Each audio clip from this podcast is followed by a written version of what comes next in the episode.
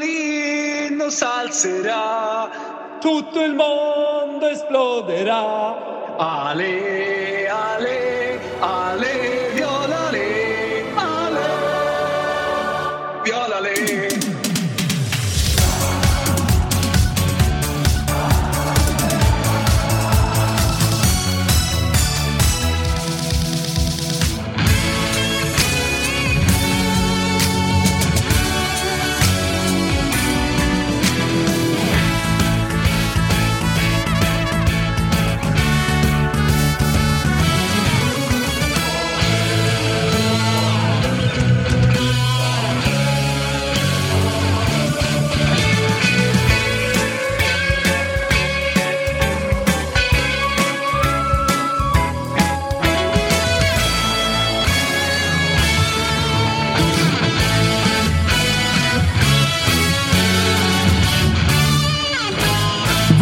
Välkomna tillbaka till eh, Spelsurret. Fredagar med mig, Thomas Wilbacher och eh, Daniel Olenklint. Eh, det har varit sommar. Vi har laddat batterier och ja, men nu är ju de internationella ligorna igång i alla länder och då passar det ju perfekt, eller hur Daniel? Och sparka igång Spelsurret igen.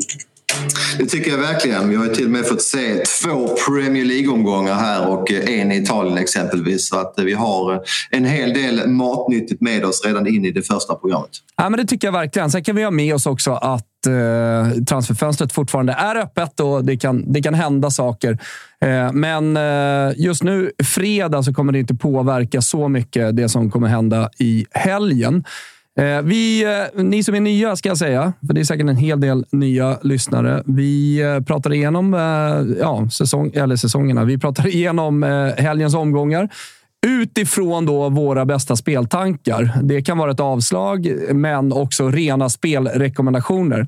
Och Sen så har vi andelsspel borta på ATG för alla som är över 18 år. Där, ja, men Daniel, du gör ju grundraden och sen så kommer jag in med med tankar och inspel eh, innan vi lämnar in den tight in på eh, deadline. Eh, det, det är så det har funkat, eller hur? Ja men exakt och i synnerhet de omgångarna vi har italienska matcher för det är ju ingen hemlighet att du följer den italienska fotbollen dag som natt. Jag följer också italienska ligan bra men framförallt lägger jag ju all min vakna tid på, på Premier League så att eh, det är fint när kupongen som den här helgen innehåller matcher från både England och Italien. Ja, ni hör, det låter mycket internationell fotboll, men vi blickar ju också mot allsvenskan. Så jag tänker att vi bara börjar i den svenska fotbollen och eh, i matchen i derbyt. Det som har blivit hett. Eh, Blåvitt-supportrarna tycker att det är jobbigt att eh, Häcken har tagit sig till den positionen som de faktiskt har tagit sig inom svensk fotboll. Nu är de dessutom ute och eh, Europakvalar. Det kan ju påverka en del. Jag vet inte hur du tänker, få höra strax eh, Daniel. Men så Blåvitt då, som har två raka segrar, ser betydligt bättre ut, eller hur?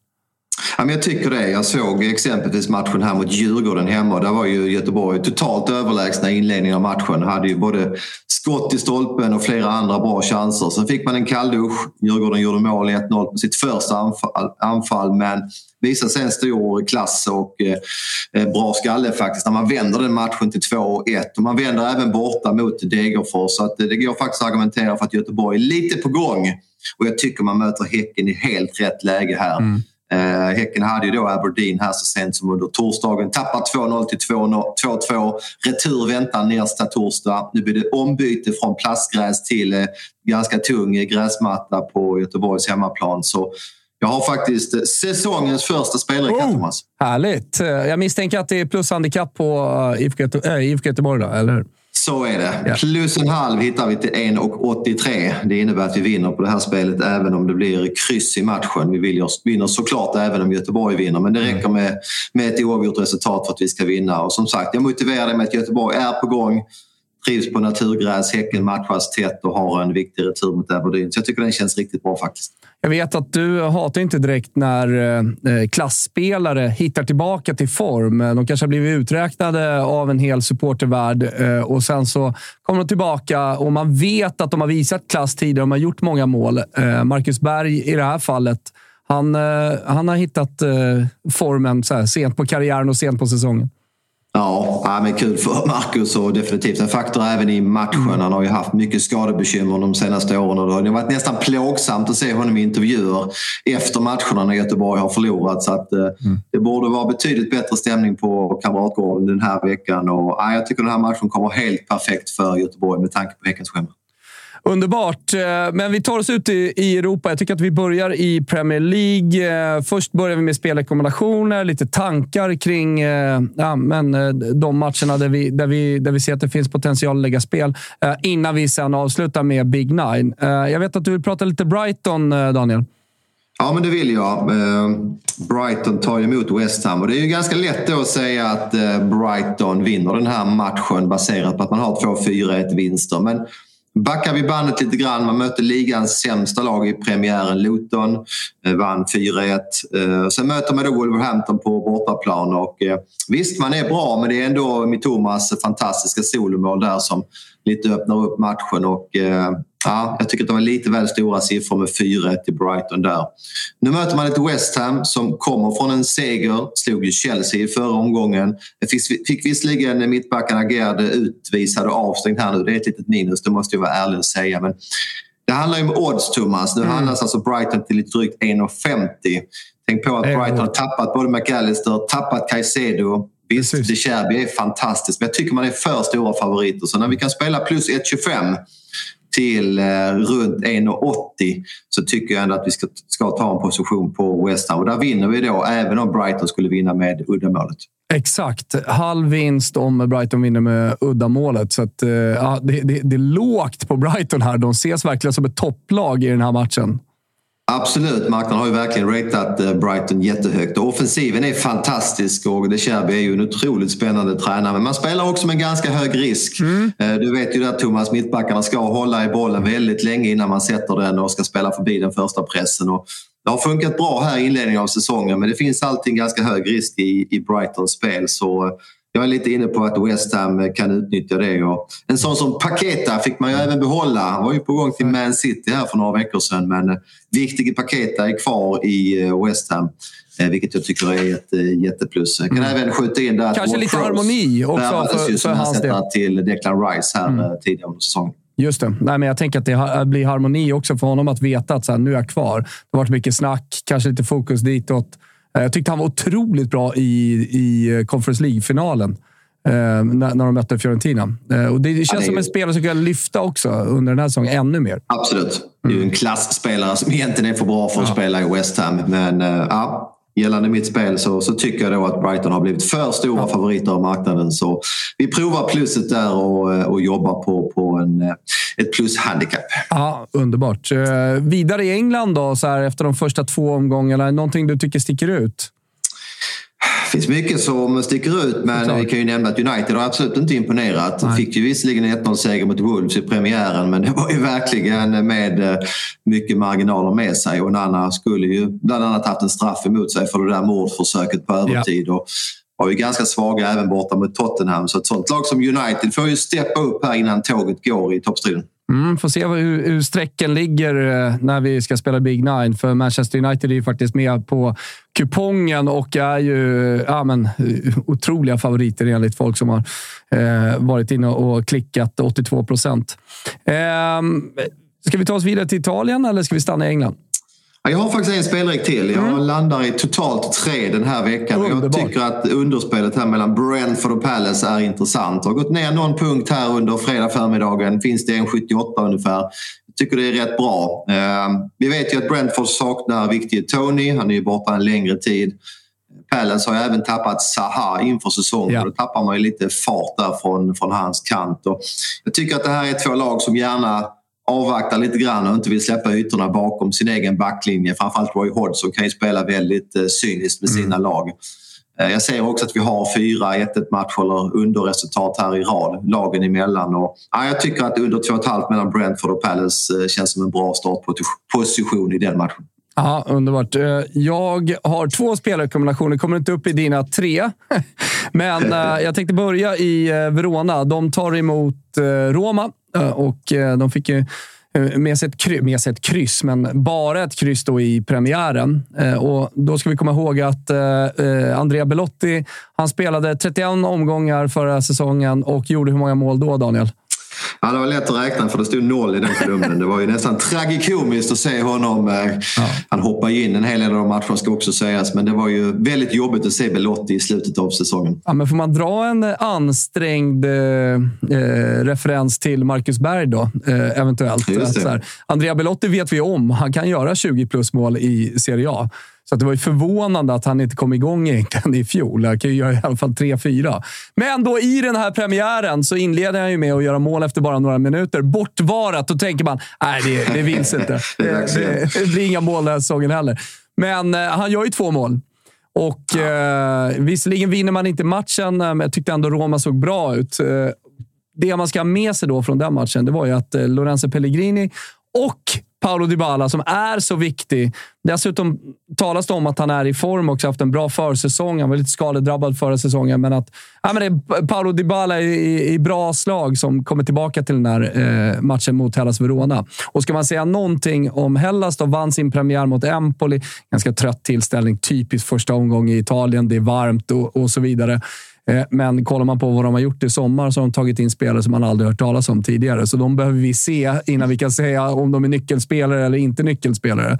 Eh, men det var ingenting som stack ut i alla fall från eh, den här första matchen mot Empoli. Och som sagt, man, man möter ett Roma som jag tycker borde ha fått med sig tre poäng från första mötet, men framför allt med Belotti som har gjort mål nu. Ska starta enligt Corriere dello Sport och Gazzetta dello Sport, mm. båda två här nu på fredagen, tillsammans med Paolo Dybala. Så att ganska, ganska ja men så här, spela med två anfallare, även om, eh, även om Dybala kan släpa lite. Det är inte så vanligt nu för tiden. Och så Lorenzo Pellegrino, då, som också är en offensiv spelare, gör många poäng. Det känns som att eh, mycket talar för Roma. Eh, så att eh, jag tänker lämna spelrekommendation på rak seger Roma borta mot eh, Hellas Verona till 1,86 tror jag att man kan få dem till. Mm. Ja, men jag köper det rakt ut och kan ju skjuta in där att Tammy Abraham är ju skadad så det är ju extra viktigt då att Dybala är tillbaka ja. och du får in Pellegrini som den kreatör han är och så har du ju såklart helt klart eh, en poäng med att Belotti måste ju haft en skön vecka här med två mål i ryggen. Så ja, jag, jag backar det också. Det känns eh, väldigt eh, troligt med en Roma-seger här. Ja, härligt. Den, den andra spelrekommendationen hittar jag i... Eh, vänta, jag ska bara ta upp allting här så jag har dem. Så jag har lagen. Uh, dum, dum, där och där. Jag har ju bara telefonen. Nästa gång ska jag jobba dator. Så att jag ja, precis. Så. Ja. Nästa spelrekommendation hittar jag i matchen mellan Lazio och Genoa. Genoa åkte på rejäl smäll mot eh, Fiorentina på hemmaplan. De kommer ju tillbaka till Serie A efter att ha varit i eh, Serie B, kadettserien, ett år. Eh, de tränas ju av den gamla skyttekungen, Daniel. Alberto Gilardino. Så pass? Jajamensan. Fiorentina. Ja, precis. Eh, Parma kanske någon skulle säga. Det var otroligt bra som ung. Nej, men, eh, han kommer också upp eh, och, eh, det, med, med, ett lag som spelar väldigt offensivt. Eh, och Det blev de ju synade eh, av Fiorentina när, när de liksom försökte gå framåt. Dessutom då ett, en, en trebackslinje där bak som jag inte blir jätteimponerad av. Däremot så har de gjort mycket saker på, på marknaden här under sommaren. Bland annat då tagit in den argentinska, eller italo-argentinska ska jag säga, anfallaren eh, Retegi. Och eh, Många kanske kommer ihåg honom när han eh, spelade med det italienska landslaget. För från ingenstans, som en blixt från klar himmel, så tog Roberto Mancini eh, in honom i truppen och ingen visste vem det var. Men det är ju så med, med eh, många argentiner. De har dubbla pass och har möjligheten att spela för båda landslagen. Eh, och gjorde ju också mål eh, i matchen mot eh, England, eller hur? Ja, det stämmer. Jag minns jag skrev till dig på Twitter där för det var ett helt obekant namn för mig som dök upp i Italiens elva och han såg ju tämligen sval ut fram till att han gjorde det där målet. Så jag vet inte riktigt var vi har honom. Nej. Har du sett honom i några mer, ja, fler matcher efter det? Ja, jag, jag har sett highlights lite här från eh, försäsongen och liksom kickat igång. Och han sprutar in mm. mål för, för Genoa och ser okay. sådär argentinskt härligt rivig ut längst uppe på topp. Eh, så har de ju Gudmundsson där och, Malinowski har man tagit in från, eh, från Marseille som känner den italienska fotbollen också. Men framförallt så är det ett Genoa eh, som jag sa innan, det, är ett match, det här kommer bli ett matchbildspel. matchbildsspel. Alltså så som jag tror att matchen kommer vara. Så att det kommer svänga mycket. för att Sarris Lazio, de är också framtunga. Spelar med Filippa Andersson, Immobile, Saccagni, vet de gör extremt mycket poäng. Och sen så då en backlinje som det talas väldigt mycket om i italienska medier och även Sarri har uttalat sig om det, att han behöver ha nyförvärv. Den är för tung och han är inte nöjd med eh, hur, hur den ser ut.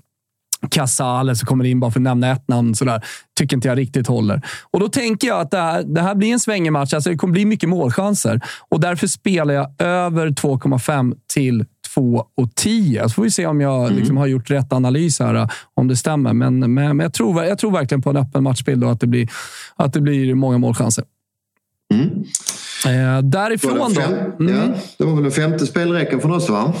Fem spelrekommendationer i omgång två. Yes. I, ja, med, ja, precis. Omgång tre blir Premier League, då, men omgång två i, i Italien. Vi tar oss över till eh, Big Nine-kupongen, Daniel. Där hittar vi, jag bara tar det lite kort här, United Forest, vi har Arsenal Fulham, Brighton West Ham, Brentford Crystal Palace.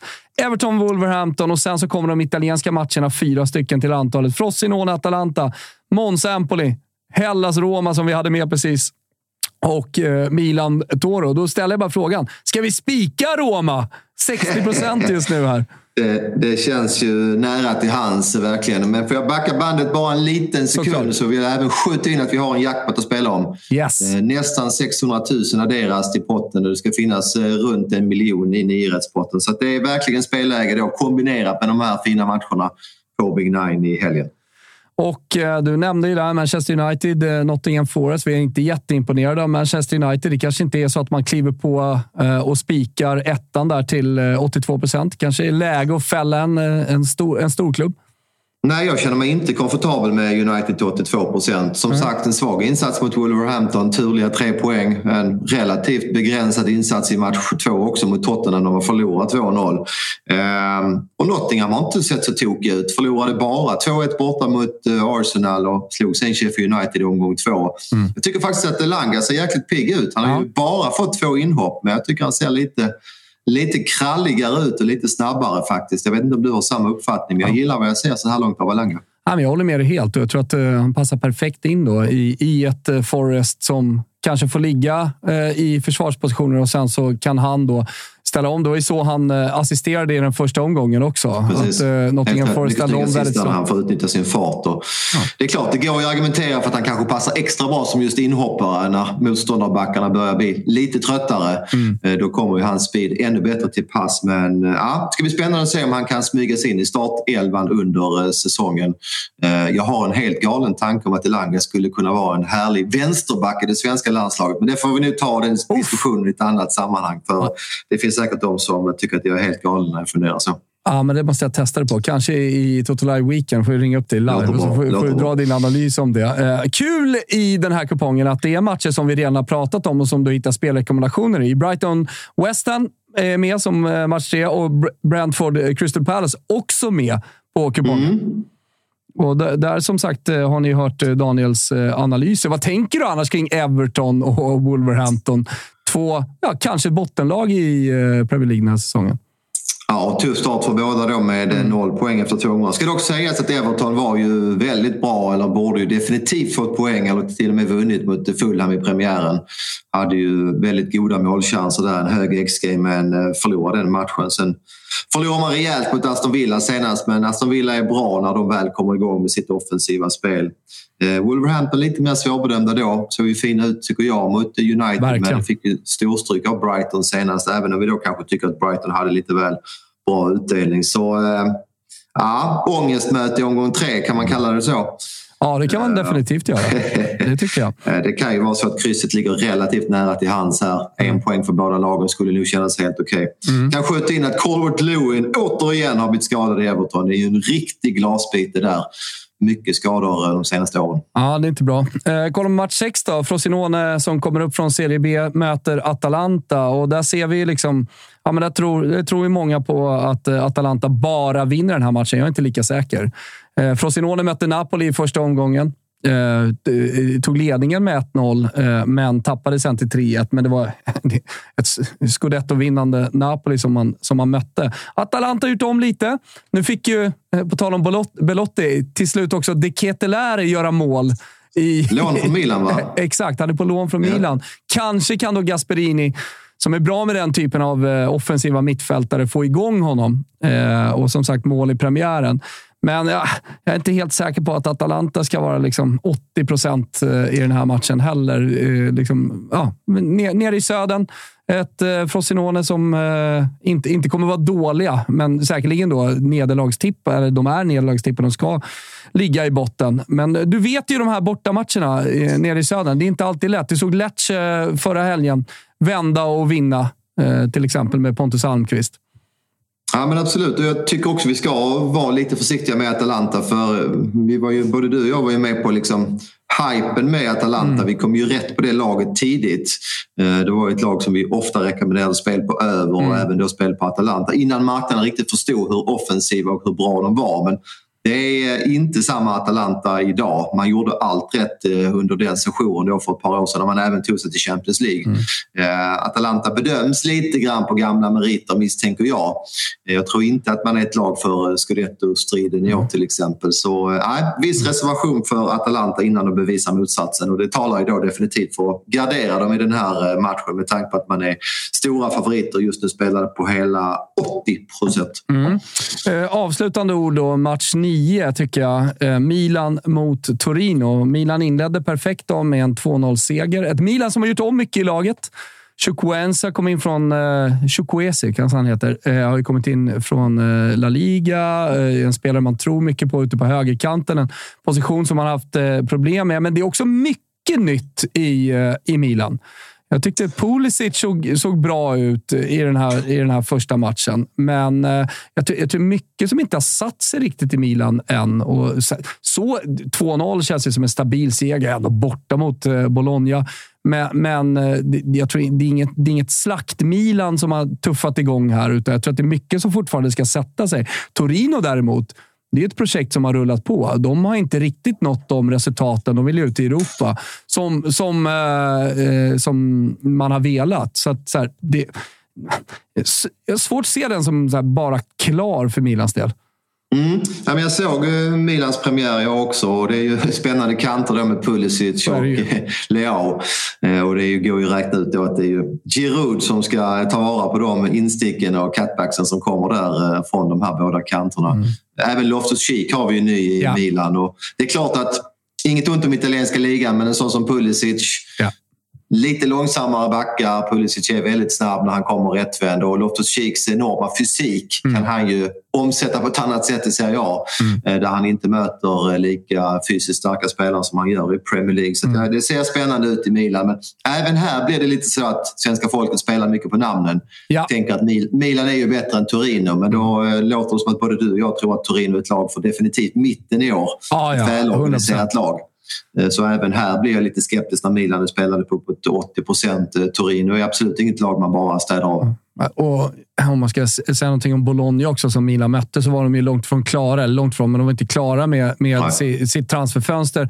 Har ju efter den matchen till exempel värvat in Jesper Karlsson Spännande. Eh, som går in med nummer 10 nu här till helgen. Eh, så att, ja, ett Bologna som inte riktigt... Och det är ju så i Italien, eh, att de, de är inte klara förrän deadline day är, är, är färdigt. Sen finns det ju de som är mer klara. Ta Milan till exempel. De kommer nog inte göra mm. så mycket. Men, men Torino definitivt väldigt tydliga med det är de här spelarna som ska spela. Och har varit ihop länge. Juric en otroligt bra tränare. Jag håller honom, jag håller honom högt. Och I Italien på första sidorna så delar man upp tabellen i vänster och höger för att det ser bättre mm. ut grafiskt. Och Det har då blivit en grej att man pratar om vänsterkolumn och högerkolumn. Och med det sagt så... Äh, men, tar nästan gift på att Torino kommer vara i vänsterkolumn eh, mm. eh, när den här säsongen är klar. Ja, men det känns som att vi jobbar in en nionde eller tionde ja. plats på Torino. Det, det, ja. det, är min känsla också. Ja. Ja, men där har ni eh, Big Nine också, som Daniel sa. Eh, stor jackpot eh, i helgen. Ni hittar alla våra andelar. Även grabbarna borta hos Toto-svenskan också, som har eget andelsspel på atg.se toto. Eh, nu har ni fått lite matnyttig information med er också. Nu är det, Daniel, bara att bänka sig och njuta av fotbollen den här helgen. Nej, men så är det verkligen. Vi har en fantastisk helg framför oss med många fina matcher. Det är ju en speciell period nu när allsvenskan går på högtryck och de internationella ligorna är igång. Vi har ju ett par månader framför oss här med extremt mycket fotboll. Ja, det är underbart. Eh, ni hör oss alltid i den här poddfeeden varje fredag eh, med spelrekommendationer och tankar kring Big Nine borta hos ATG. Och eh, givetvis kan ni se oss också på Youtube om ni tycker att våra nunor är fina. Där ligger vi under Total Live Weekend. Underbart att ni har varit med oss och underbart att vara igång igen, Daniel. Verkligen. Lycka till allihopa så hörs vi igen om en vecka. Ja, vi. Ciao. Tutto il mondo esploderà. Ale, ale, ale.